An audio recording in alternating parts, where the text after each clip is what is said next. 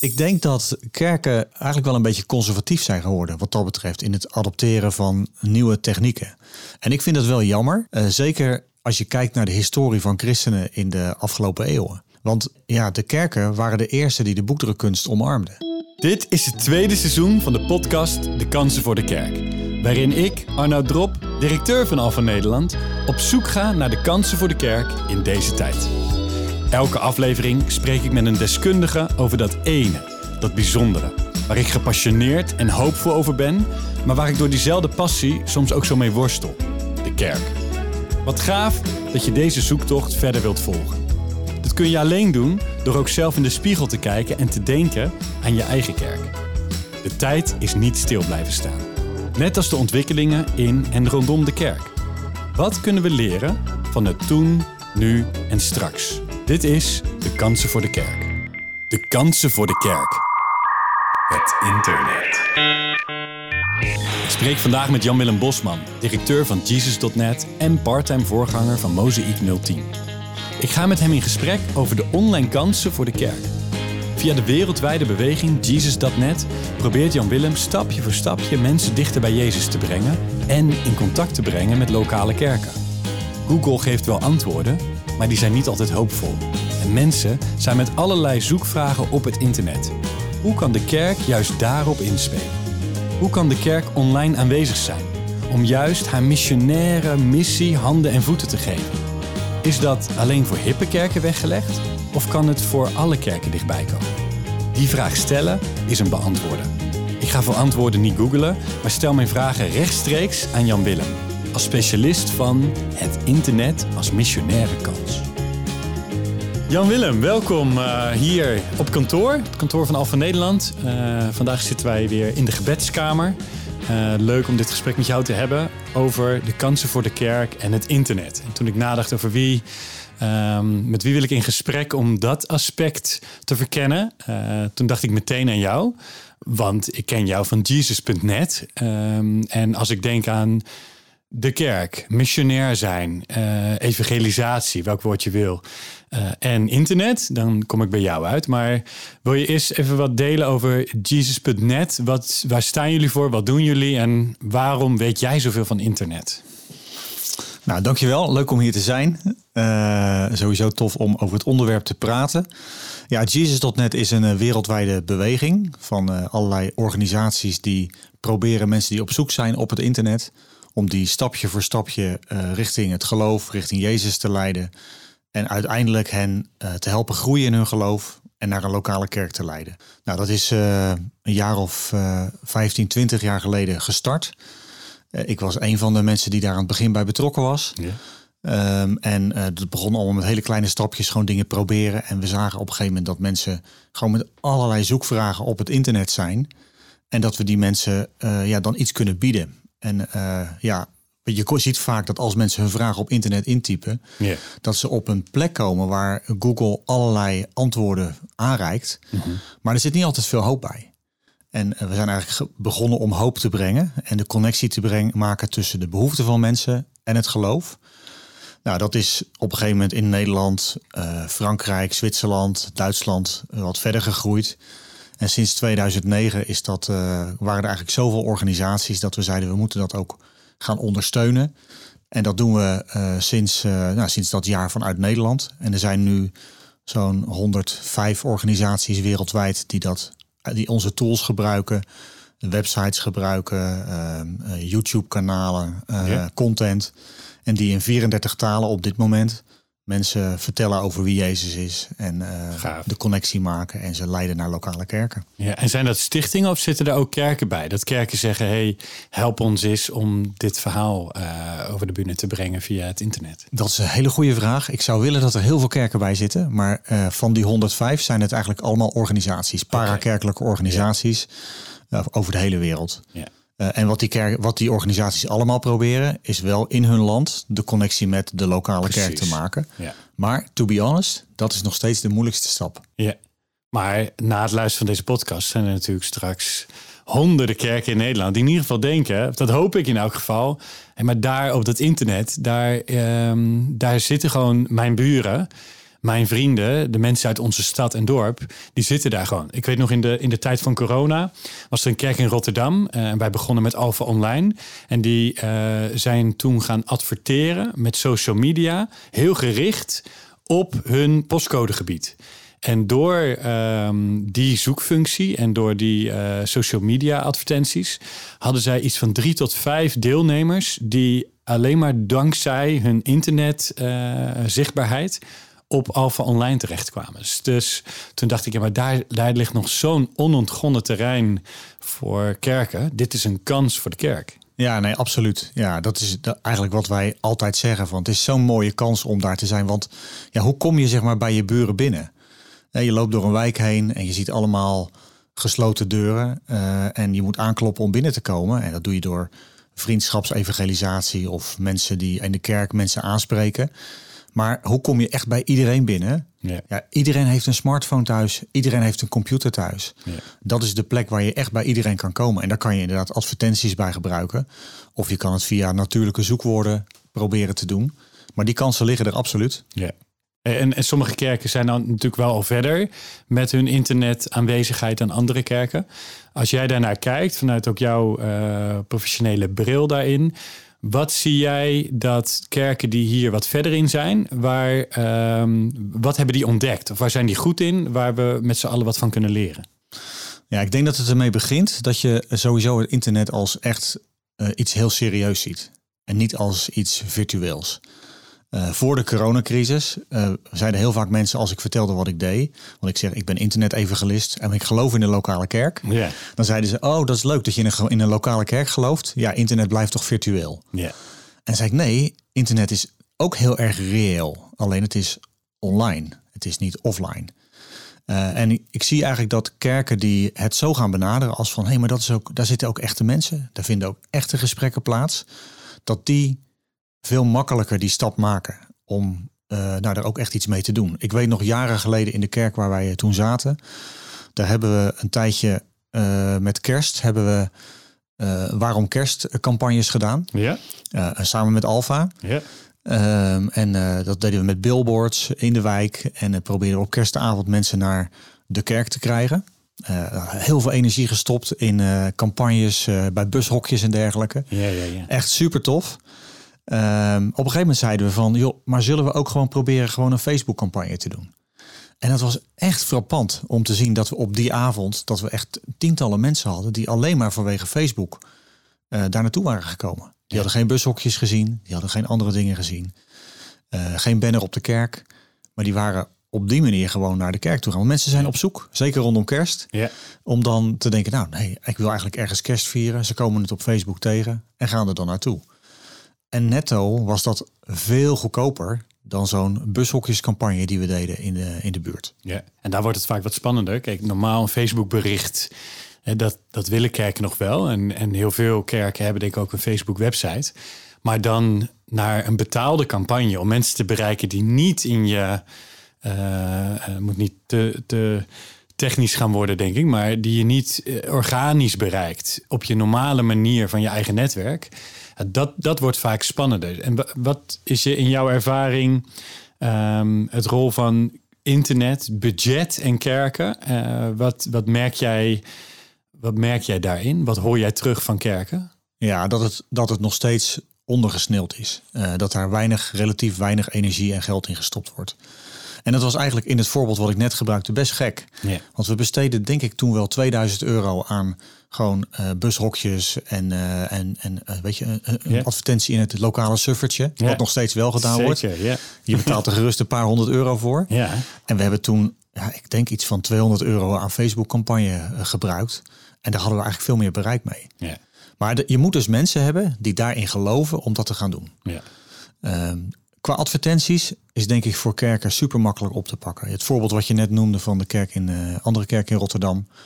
Uh, ja, die hebben dat gewoon gedaan. En dat is prima te doen. Als je het via organisch, hè, organisch betekent dat het gewoon automatisch uh, bij iemand in je eigen netwerk. Je deelt het met je eigen vrienden. Ja, of in de zoekwoorden van, van uh, Google terugkomt. Ja. Dat is veel ingewikkelder. Daar heb je echt een lange adem voor nodig.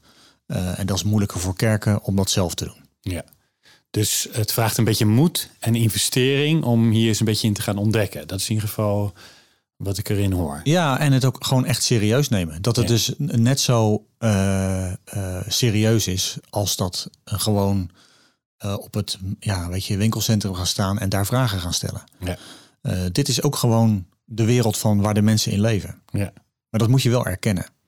En ik merk dat, zeg maar, na corona, ik hoor echt nooit meer iemand over virtuele ministry praten. Iedereen heeft gezien dat online gewoon ontzettend serieus is. We zijn allemaal gewend geraakt aan livestreams en Ja. dat mensen op die manier de kerkdiensten meemaakten. Eh, dus ik denk dat kerken die slag nu wel aan het maken zijn. Ja, maar denk je dat ehm, ehm, door de hele livestreams, ik heb wel gezien dat kerken ehm, waar ze voorheen internet erbij deden, hè, er was de kerktelefoon, werd op een gegeven moment Ja. werd eh, men kan ook meekijken of meeluisteren via internet. Een gegeven moment kwam er een tijd, dank- dankzij corona, waardoor volgens mij een stroomversnelling, innovatie heeft plaatsgevonden op het gebied van die digitale kwaliteit. Ja. Ehm, maakt het nu het gesprek makkelijker met kerken? En denk je dat kerken verder zijn in het denken over de kansen van internet? Ja, ik merk dat eh, zeker bij een aantal kerken eh, komt dat echt naar voren. Die hebben zoiets van, oké, dit moeten we niet zomaar nu voorbij laten gaan. Nu dadelijk de deuren weer open kunnen. En eh, ja, we gewoon weer normaal, zeg maar, kerk kunnen zijn, zeg maar, met zondagse diensten. Ja. Eh, maar dat ze ook denken, ja, maar het internet heeft ons ook iets gebracht wat we hiervoor niet hadden. Ja. Dus die kerken zijn er. We zijn nou, wereldwijd met, eh, ik, ik denk iets van twaalf initiatieven met kerken bezig die dit tot een soort continue ministry willen maken. Dus je eerste vraag, zijn er al kerken bij die partners? Ja. Nog niet, maar ik zie er gewoon het komend jaar een aantal komen. Ja. Ja.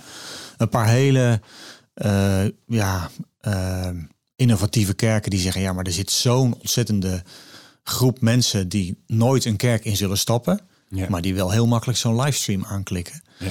En eh, nou, ja, ik zie het nu in de kerk waar ik nu zit. Daar zie ik gewoon mensen die gewoon gewend waren geweest om naar een livestream te kijken. eh, die via de livestream uiteindelijk gewoon alfa zijn gaan doen. Eh, en die uiteindelijk nu gewoon op de introductieavonden van de kerk komen. Ja. Ja, dat is, dat is eigenlijk waar wij gewoon al gewoon tien jaar van dromen. Dat dat gaat plaatsvinden. Ja, gaaf. Ja.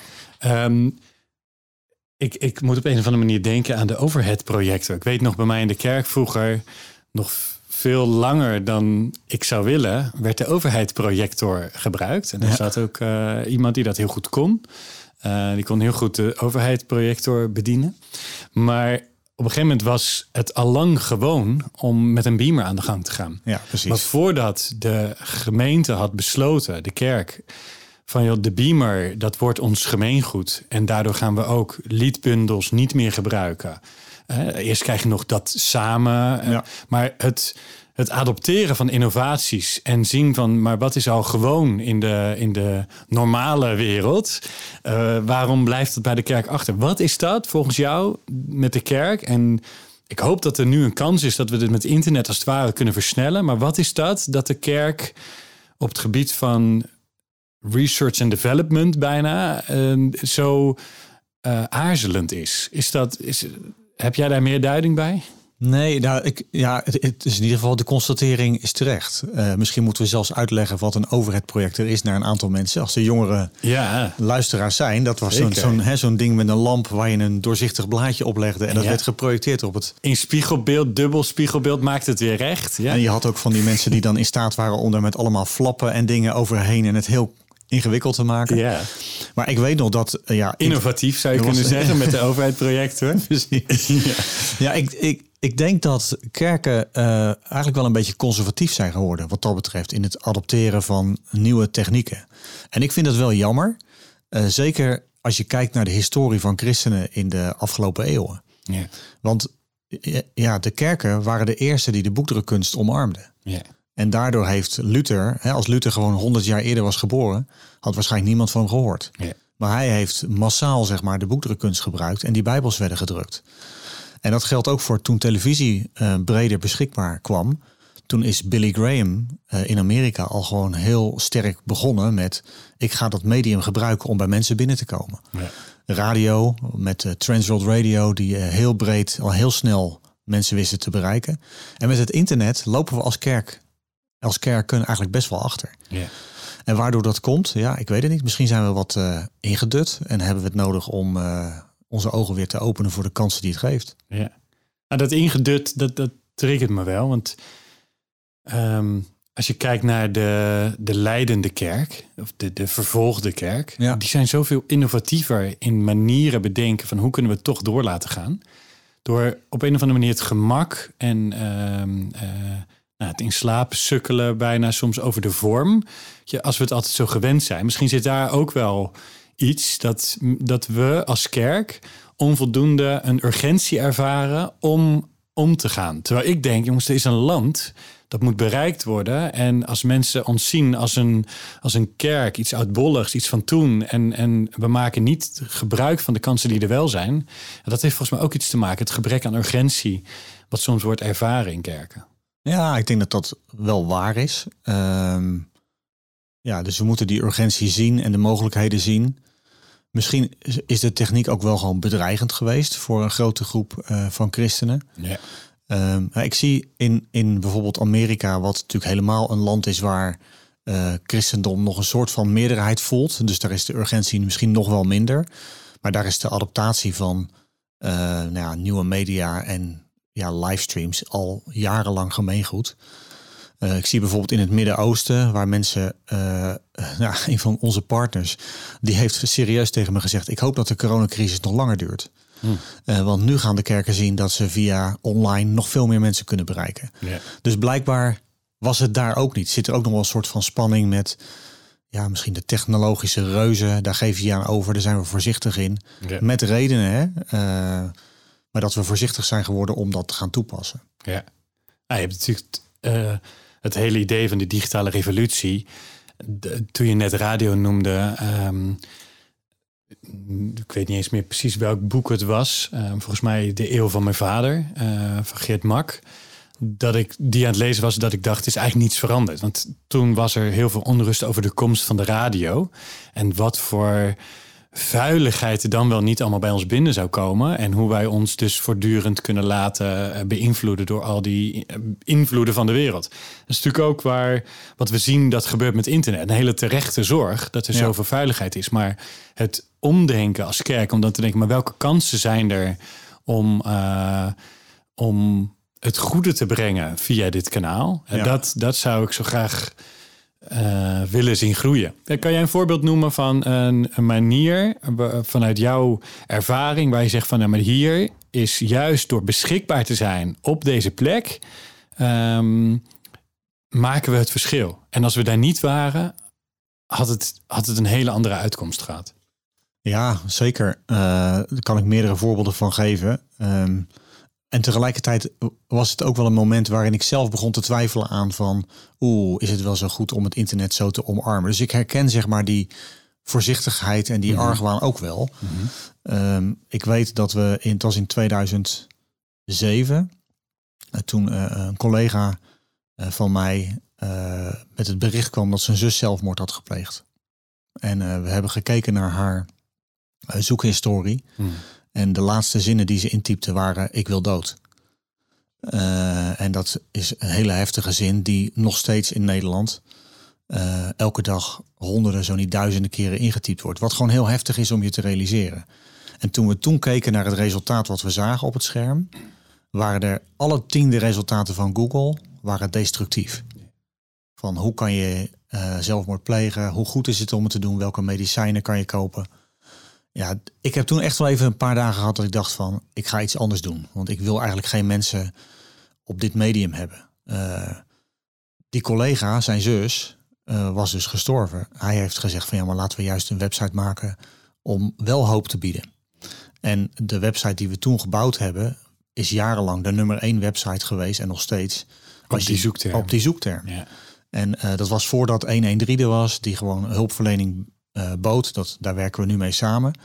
Maar dat vind ik wel een bijzonder voorbeeld. Dat je op dat soort heftige behoeften van mensen, die ze gewoon op internet intypen, dat je daar hoop kan bieden. Uh, maar het, het, het, weerspiegelt ook iets van de, de ja, weerzin die je zelf hebt als je ermee te maken hebt. Want ik snap het best als mensen denken, ja, dan gaan we mensen naar het internet verwijzen. Maar er is een hoop bagger te vinden. Uh, dus het betekent ook dat we onszelf moeten trainen van hoe ga je dan om met alles van de wereld wat in één keer bij je binnenkomt. Ja. En dit, dit snap ik van. Dit is natuurlijk een, een mega groot thema. En Ja. eh, waar je als eh, organisatie ook echt het verschil kan maken. Ja. Dus ik te denken, wat zou een, hoe kan een lokale kerk dan zichtbaar zijn in deze eh, met zulke vraagstukken? Ja. Ehm, hè, er zit hier misschien nu een, een kerkleider te luisteren en die denkt: wat zouden wij dan nu wel kunnen gaan doen of kunnen gaan verkennen? Ja. Ehm, wat we nu niet doen. Juist op zulke soort thema's. Hoeft niet per se eh, over het voorbeeld wat je net noemt, maar in het algemeen waar we eh, het ten goede kunnen keren. Wat zou je dan voor voorbeelden eh, aan, aan dienen? Ja, ik zou, ik zou als ik, een- als ik kerkleider was, zou ik echt nadenken van hoe kan ik de thema's die ik behandel in de kerk, hoe kan ik die zeg maar zo maken dat ze aansluiten bij de mensen die God helemaal niet kennen. En daar dan eh, iets mee doen op je Facebook-omgeving. Probeer het gewoon eens een keer met een advertentie eh, of, of op een andere social media. Eh, zorg dat je wat je hebt te bieden, ga dat gewoon publiekelijk aanbieden, bijvoorbeeld op YouTube. En YouTube is tegenwoordig de, de, eigenlijk de nummer één zoekmachine voor jonge mensen.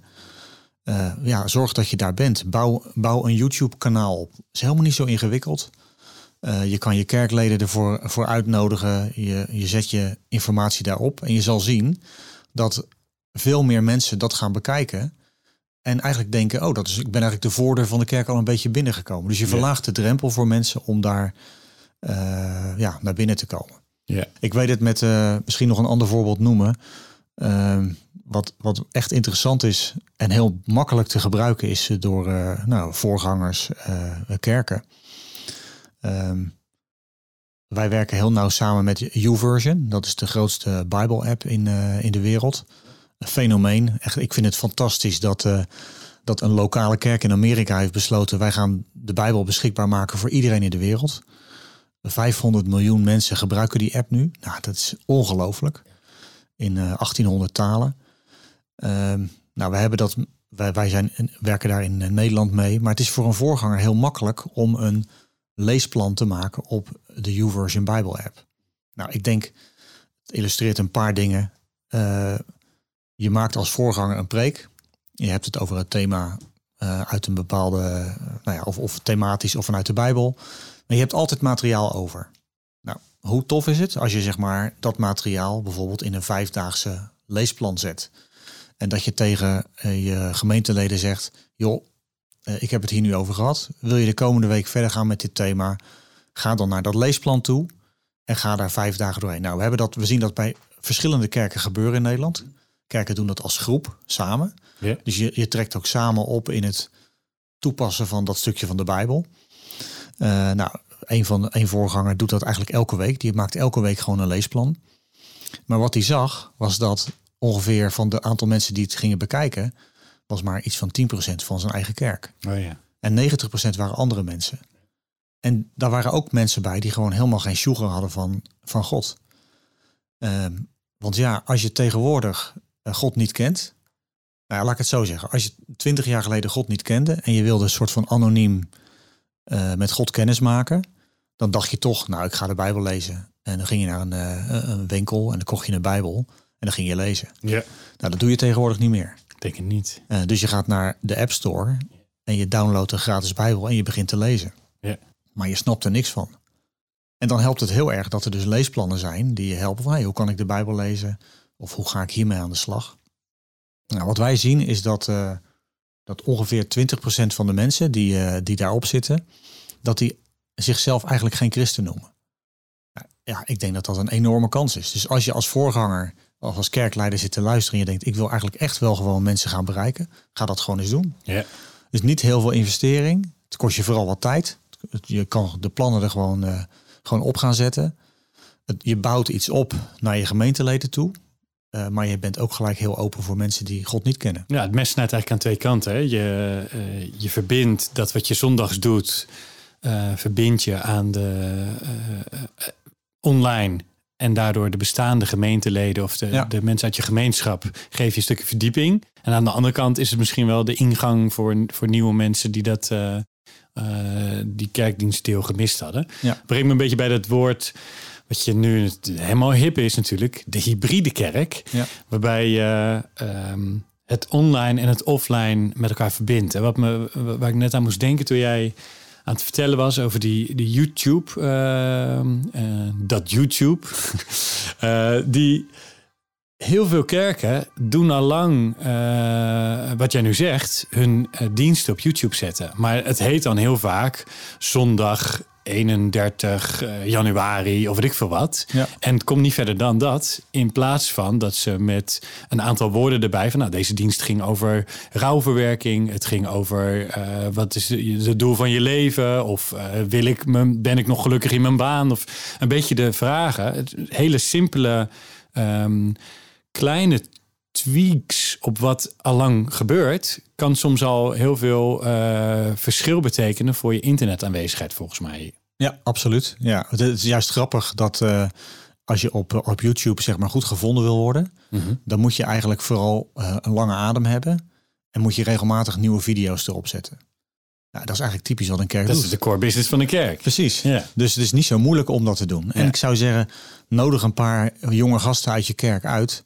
En laat die gewoon daar goed lekker creatief over nadenken van hoe je dat goede uh, ja, termen gaat geven, zoektermen gaat geven, de quotes goed maakt. Uh, je kan de, de optimalisatie doen. Dat is allemaal niet heel ingewikkeld. Kunnen zij ook redelijk makkelijk. Geef ze de ruimte. En uh, ja, geef ze vooral een, een, bepaalde periode de ruimte om het te gewoon gaan doen. wij hebben gezien, als je dat goed organiseert, gewoon netjes op je YouTube-kanaal neerzet. Uh, netjes de zoektermen geeft, uh, mooie plaatjes ervoor maakt, wel belangrijk. Hè? Dus als je geen goede plaatjes maakt en alleen maar uh, de, het suffe entreebeeld ziet van uh, er is nog niemand in de kerk aanwezig, bij wijze van spreken. Knip misschien zeg maar de preek eruit en zet die apart neer. Ja, of een klein fragmentje. Of fragmentjes, weet ja. je, dat soort dingen. Maak een leuk, leuke clip met een, met een voorganger die mensen uitnodigt. Zet dat erop als een introfilmpje. Ja, je zal zien dat je redelijk snel nou, behoorlijk gevonden gaat worden. Ja, doe me denken aan een van de afleveringen die we hiervoor uh, hadden met Niels de Jong. Waarin we ook spraken hoe kan je twintigers, dertigers de ruimte geven. En dan geef ze een project, nodig ze uit. Precies. Gewoon daar waar zij goed in zijn. Je, dit, dit is misschien wel zo'n mooi voorbeeld van een project waarvan je kan zeggen een aantal uh, mensen bij elkaar kan roepen en zeggen jongens. Help ons hiermee. Uh, we weten dat er mogelijkheden liggen, Ja. maar jullie weten veel beter hoe en wat. Um, ga ermee aan de gang en uh, laat mij zien. En uh, hier heb je 300 euro. Ik denk dat, je, dat we nog heel verbaasd kunnen zijn over wat dat allemaal teweeg gaat brengen. Ja, absoluut. Er zit Dat- zoveel kennis in de kerk al. Ja, dat is het grappige natuurlijk. Hè. Het is, we hebben het over uh, alsof we iets nieuws aan het doen zijn. Maar het zijn dingen die we allemaal elke dag doen. Tenminste, niet allemaal misschien, maar... Ja, maar er werken grote- zo in een gemiddelde kerk werken 15 mensen ergens in communicatie Precies. of op internet of zijn aan het hobbyen. eh, Ja. En iedereen gebruikt inmiddels een smartphone. En eh, het is niet meer zo dat we in een fase leven waarin we dat allemaal gek vinden. Dit is heel normaal. Het is heel absurd als je nog een, eh, iemand hebt die een oude Nokia Huppeldepup heeft. Ja. en dat gebeurt niet meer. Hey, dus bestaande content veranderen en anders aanbieden op internet is een, is een spoor. Eh, ik noemde ook wat, eh, ik hoorde je wat noemen over die, ehm, de leesplannen bijvoorbeeld. Dat zou dan, ja, dat zijn vormen van nieuwe, eh, nieuwe content waar je dan wel eventjes wat voor moet doen. Ja. Ehm, iemand zei een keer in deze tijd, we zijn bang over hoeveel mensen komen er nog terug in de kerk. Maar, en en wie, wie komen er straks nog? Maar eigenlijk moeten we de vraag stellen, waar zijn ze? En hoe kunnen we ze daar bereiken? Ja. Nou, dan is een YouVersion, een Bijbel eh, leesrooster is een manier. Wat zie jij nu momenteel nog meer als innovaties waarvan je denkt, volgens mij, nu vraag ik, luister ik eigenlijk een beetje de futurist in jou naar voren.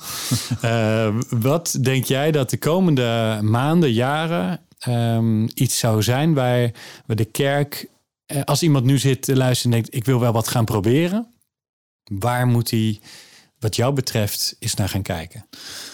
Ja, een goede vraag en eh, interessant om daarover na te denken. En wat je merkt is bijvoorbeeld dat audio is ontzettend populair eigenlijk. Veel populairder dan video. Ja, video is ook heel populair, maar audio is echt in opkomst. Eh, hoeveel podcasts er niet gemaakt wordt, hè, zoals deze. Eh, maar ook heel veel podcasts die door... Zoals deze zijn er niet veel. Nee, Ja. dat is waar. maar er zijn, er zijn, gewoon- mensen zijn echt geneigd om te luisteren naar eh, dingen. Dat is natuurlijk ook prettiger dan als je in de, in de trein of in de metro zit en je moet weer naar een schermpje kijken. Precies. Maar tijdens Of het fietsen, wandelen, wandelen, hardlopen. hard- precies, Ja. dan zet je dit soort dingen op. Ga daarin experimenteren. eh, betrek daar jongeren bij. Eh, wie weet, kom je in één keer bovendrijven en gebeurt er iets. En het is niet ingewikkeld. Je hebt een, twee microfoons nodig en je gaat met elkaar praten. En het kan iets opleveren. Het enige is wel, je moet het vaak wel voor een wat langere termijn doen. Het is niet zo dat je, ik doe één lucky shot en dan werkt het. Dus ja, audio is een van de, van de sporen die ik zie. Ehm, ja, je noemde het hybride eh, aspect al. Ik denk dat dat ook steeds meer een realiteit zal worden. En daarmee bedoel ik dat mensen kiezen tussen een, een online ervaring combineren met een offline ervaring. Dus hoe gebruik je in de kerk? Ik weet nog dat ik bij ons in de kerk zat en dat mensen het vervelend vonden dat ik op mijn telefoon de Bijbel las en aantekeningen maakte. Ze dachten dat je zat te whatsappen of Ja, sms'en waarschijnlijk. Ja, dat dachten Ja. ze waarschijnlijk, ja. Of dat ik een spelletje aan het doen was of zo, of iets anders. Eh, en dat risico zit er natuurlijk in. Eh, Ja. Dat je dat soort dingen doet. Er is meer afleiding. Er, er- er is een grotere kans op afleiding. Tegelijkertijd, toen ik heel jong was en eh, geen telefoon had, zat ik ook puzzeltjes te maken en andere dingen. Dat leidde ook af. Of je hebt dingen in je hoofd waardoor je er ook niet meer bij bent. Dus volgens mij is het veel meer bewustwording van hoe ga je er dan mee om. Maar ik denk dat als je als kerk zeg maar die twee werelden bij elkaar maakt, bij elkaar brengt.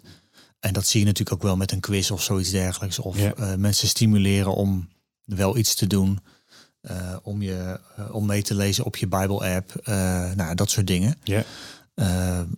Inderdaad, zo'n leesrooster te maken waardoor je gewend bent. Oké, ik ga daar gelijk weer mee verder de volgende dag. Dat zijn, dat zijn dingen waardoor je als kerk je ook kan voorbereiden op een hybride tijd. Ja. Ehm, en dat is dan in de dienst. Maar ik, kan me ook heel goed voorstellen dat je je diensten zo voorbereidt. En misschien is dat wel vloeken in de kerk hoor. Maar dat je het ook niet zo erg vindt als mensen af en toe de zondagse dienst via de stream meemaken. En de andere zondag ehm, gewoon eh, in de kerk zitten.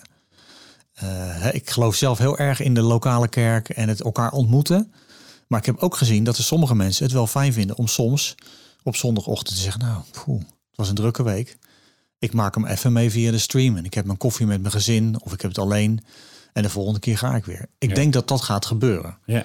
Dus ik, ik denk dat kerken zich ook moeten voorbereiden op niet weer helemaal teruggaan naar het oude normaal, maar wel meegaan in de lessen die ze dit jaar hebben geleerd, Ja. of deze jaren hebben geleerd, om dat toe te passen. Ja, nou, ik heb al zat mensen gesproken die eh, gewoon trouwe kerkgangers waren, wekelijks naar de kerk gaan, maar die nu ook zeggen, heel, ik, ik, ik zie er eigenlijk wel een beetje tegenop om ehm, nu weer naar de kerk te moeten. Eh, Al die mensen die daar zitten, het leidt me af. Ik Ja. kan me nu gewoon met mijn boekje focussen op dat scherm. Ja. Eh, ik zeg tegen mijn kinderen stil of ga naar boven. Hè. Die hebben hun eigen diensten gekeken op andere tijdstippen.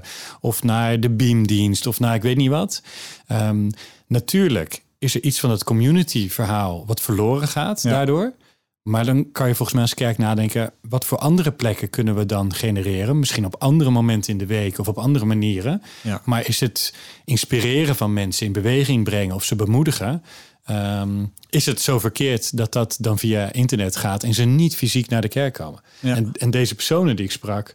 die moeten er bijna niet meer aan denken... dat, ze, dat straks weer van hun verwacht wordt... dat ze op zondag in de kerk zijn. Ja. En het accepteren als kerk dat mensen anders zijn... en dat niet iedereen houdt van één iemand die een uur lang naar je toe praat. Of de, die dienst die over je heen komt en je zit daar eh, mee te luisteren. Dat sommige mensen misschien interactie willen met Kahoot of Menti of weet ik veel wat. Ja. Eh, en anderen juist gewoon dat vanuit huis willen. Volgens mij is dat ook een onderdeel van waar we nu zijn. Dat we, dat we moeten accepteren. Mensen nemen op verschillende manieren eh, content tot zich. Ja. En wat kunnen we doen om die te bereiken op Ja. de manier hoe ze geweven zijn? Nou, ja, misschien zeg je daar wel een sleutel, zeg maar. Je neemt content tot je. En dat is niet hoe we zeg maar, naar een kerkdienst kijken. Dus je voelt van, dit is iets heiligs en daar moet je Ja. naartoe gaan. Maar vaak is het, als je het afpelt, is het wel, je neemt een soort content tot je. Ja. Je hebt een, een, een worship experience of iets dergelijks. Eh, maar dat kan je op verschillende manieren doen. En dat zijn we gewend in het dagelijks leven. Eh, hè, sommige colleges worden gegeven eh, in de universiteit. En andere volg je online omdat het beter uitkomt. En dat is gewoon echt een deel van het gewone leven geworden. En zo moeten we het denk ik ook benaderen. Ik weet nog dat een van onze jongens, eh, toen die op zijn eh, club of vereniging of hoe je het noemt, eh, zat, met zijn, met zijn groepsleider of zijn jeugdleider zat. En die jeugdleider zegt, waarom zeg je eigenlijk hier op de club niet zoveel? Maar zit je me wel heel veel te whatsappen? Ja. Ja, dat voelde voor hem veiliger. Ja. En dat, ja, zo zitten media gewoon in elkaar. Dat het ene medium zich soms voor de een zo leent en voor de ander zo. Ja. En uh, dat is onze ervaring binnen ons werk al jaren. Dat mensen super open zijn uh, op het internet. Ja. Veel opener vaak dan dat je ze tegen je over aan tafel ziet, uh, ziet zitten. Ja. Hè, de veilige plek van thuis. Of het gevoel dat je toch een soort van anoniemer bent. Dat helpt mensen om eerder hun hart uit te storten. Ja. Uh, ik vind dat echt een geweldige kans uh, die er is. Ja. En wij denken dan vaak, hè, op Twitter wordt iedereen een anonieme schreeuwer, lekker makkelijk. Maar wij zagen gewoon bij Alpha Online dat mensen het heerlijk vonden, soms zelfs om hun camera uit te houden, maar wel deel te zijn van die groep. En op een gegeven moment, na een aantal weken, deden ze wel hun camera aan en een microfoon en, en gingen ze actief meedoen. Ja. Uh, of ze waren juist veel sneller to the point en open en eerlijk via een online alfa, gewoon Ja. door het schermpje en camera, dan op een fysieke alfa. Dat gaven heel veel alfa-leiders terug. Ja, het lijkt wel alsof we veel eerder tot de kern komen. En ik denk dat dat toch ook een beetje die veiligheid is van je zit achter je laptop. Je kan op het rode knopje drukken wanneer je wil. Je kan ehm, vanuit je eigen huissetting spreken en je hart laten zien. Dus Ja. het, heeft, het heeft eigenlijk ook heel veel voordelen als Klopt. het het juiste kanaal, maar het juiste eh, persoon bereikt. Ja, ja, nou ja, dat is het denk ik precies, zeg maar. Dat je het gebruikt in zijn kracht. En niet voor iedereen is het hetzelfde. Ja. Maar het is een onderdeel van ons dagelijks leven eh, geworden op deze manier. Ja. Ik, ik, ik had het net over audio. En wat, wat, ik, wat ook nog wel leuk is om te melden, is dat eh, ik merk dat best wel veel mensen moeite hebben om bijvoorbeeld hun tijd met God door te brengen. Eh, veel wordt er in kerken gesproken over je stille tijd doen en je moment hebben en plan daar 's ochtends een moment voor. En Bidden Bijbel lezen. Altijd het goede antwoord op een kring. Ja, heel goed. Maar dan in de praktijk doen, Ja. super lastig. En eh, ik weet niet of dat alleen maar een millennial eh, ding is, maar ik merk veel jonge mensen worstelen er echt mee. Die weten dat het goed is, maar om daar vorm aan te geven, super lastig. Eh nou, wij hebben een, een tijdje geleden zijn wij audio guides gaan maken. Eigenlijk heel simpel. Het is gewoon een stukje tekst wat iemand voorleest. En wat dan gewoon eh, met de frequentie van een dag wordt toegestuurd naar mensen. Fantastisch. Eh, gewoon vooral jonge mensen die dat gewoon helemaal toepassen. En die daar gewoon 21 dagen lang naar luisteren. En denken van ja, maar dit heeft me echt geholpen. Nou, zo moeten we denk ik gaan denken. In, de, in, een, in een wereld waarin zoveel versnippering is en zoveel afleiding. Geef ze dan iets in het medium wat ze gebruiken. Waardoor ze dat kunnen gaan toepassen. Ja. Nou en volgens mij zijn kerken daar ook en organisaties meer bewust van. Je hebt natuurlijk EO, IZB met eerst dit. Ja. Wat eh, hartstikke op een goede manier dagelijks dingen brengt. Zelf hebben we Bijbel in Monier, waar 10.000 mensen in een jaar de Bijbel rondlezen Ja, met klopt. uitleg. Ehm Lectio 365 moet ik aan denken van 24-7 prayer. eh, om juist je gebedsleven te stimuleren. Dus er zijn allerlei manieren om dit inderdaad te stimuleren. Ehm de laatste thema wat ik toch niet wil laten liggen in dit gesprek, omdat ik eh, voel dat daar altijd een beetje spanning zit. Hè. Ik weet niet of je het weet, maar ik ben zelf geen theoloog. Eh, ik heb commerciële economie gestudeerd. Hè. Dat had je niet in de gaten. Maar ehm, eh, dat is marketing. En dat heeft ook heel veel te maken met doelgroepkeuzes. Ja. En het moment dat we daarover praten met een kerk, over dat eh, als je gaat internet targeten, om het zo maar even te zeggen, op internet een doelgroep wil bereiken, dan moet je keuzes maken. Ja. En ik merk dat kerken het in de, in de basis heel lastig vinden om een doelgroep te kiezen. Want kiezen voor iets betekent bijna ook alsof je dan tegen de rest bent. Ja, we willen, ik noem maar wat, jonge gezinnen bereiken. Of we willen juist ouderen. Of we willen juist eh, millennials. Ehm, Ja. Terwijl het zo belangrijk is, als je met internet bezig bent, dat je de juiste persoon op de juiste plek bereikt. En een bushokje, dat vinden we allemaal nog wel prima, want dat is, hè, dan stort je het uit over heel Nederland en kies je niet. Ja. Ehm, althans, dat, dat voelt niet als kiezen. Maar online moet je gewoon aanvinken, leeftijd of geslacht en hè, alles wat de privacy toestaat. Hoe eh, denk jij dat juist keuzes maken in doelgroep kerken zou kunnen helpen eh, door als ze daar wel scherp op kiezen? En dat ja, doelgroep, dat dat niet betekent dat je de rest allemaal niet meer wil zien, maar het element van doelgroep vanuit jou, zou je daar nog een paar woorden aan willen wijden om de kansen voor de kerk eh, daarin te schetsen? Ja. Ja, het is een goede vraag en hij is ook lastig. Want je, je loopt altijd tegen dat dilemma aan van dat je eigenlijk iedereen wil bereiken. Eh, maar tegelijkertijd weet je ook dat je dat ook niet doet. Dus het is een soort van schot-hagel als je, als je niet richt. En dan in de hoop dat je iemand raakt. Of dat je gericht zegt, nou ik probeer toch wel een, een doelgroep eh, te bereiken. Ja, ik denk dat je, eh, een beetje plat gezegd, in de praktijk van vroeger deed je dat ook. Op het moment dat je je advertentie voor kerst in het plaatselijke servertje zet, dan weet je ook dat je een bepaalde doelgroep bereikt. Jongeren lezen dat plaatje niet, dus het zijn waarschijnlijk de doelgroep die daar. Als je in een bushokje eh, iets plaatst, ik heb wel eens een keer eh, onderzoeken daarover gelezen dat eh een meerderheid mannen zijn die bushokjes bekijken.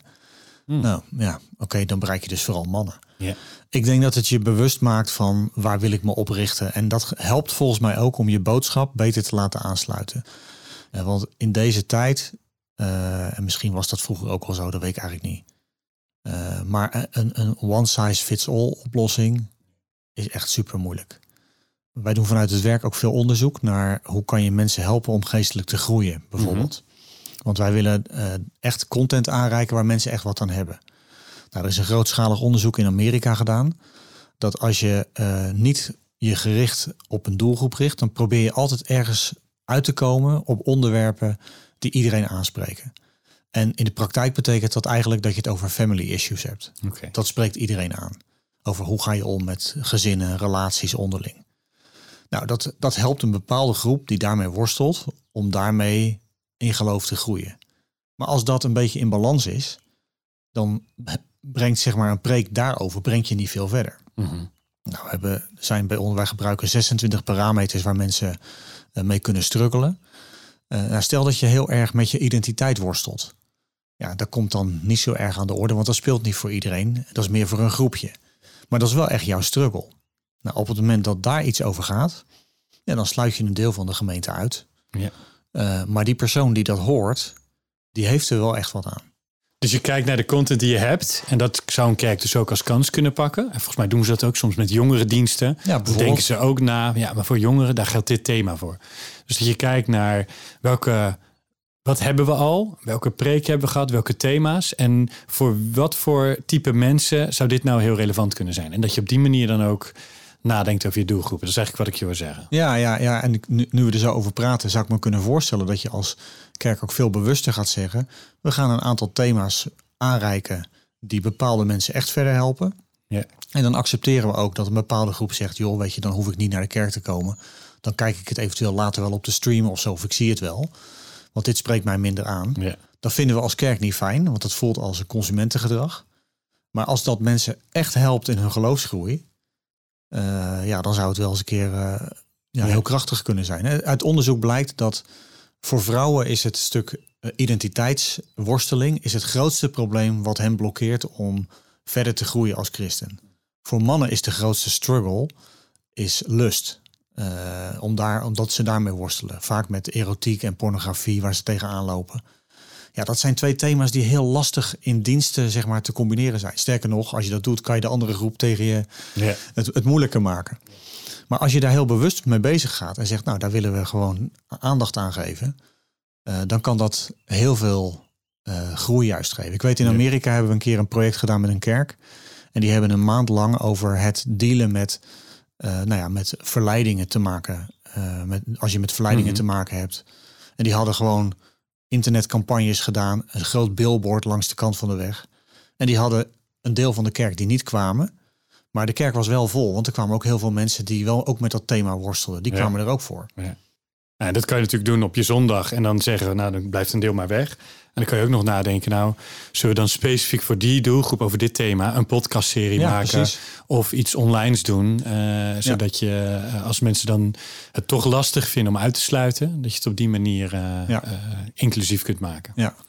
Hey Jan-Willem, dankjewel. Ehm ik, ik ben in ieder geval wijzer geworden over de, de, de internetmogelijkheden. Maar ik hoop ook vooral dat we ehm, hebben kunnen schetsen wat de kansen voor de kerk zijn. Als het gaat over een doelgroep. De doelgroep die wij met deze podcast ook willen bereiken... zijn mensen die ehm, in het leiderschap van de kerk zitten... of, of, of daar interesse in hebben... of daar eh, zelf bij betrokken zijn... Ehm, en dat die, dat die erachter komen van kijk eens wat voor mooie kansen er allemaal zijn. Eh, en daarmee maken we dus ook podcasts.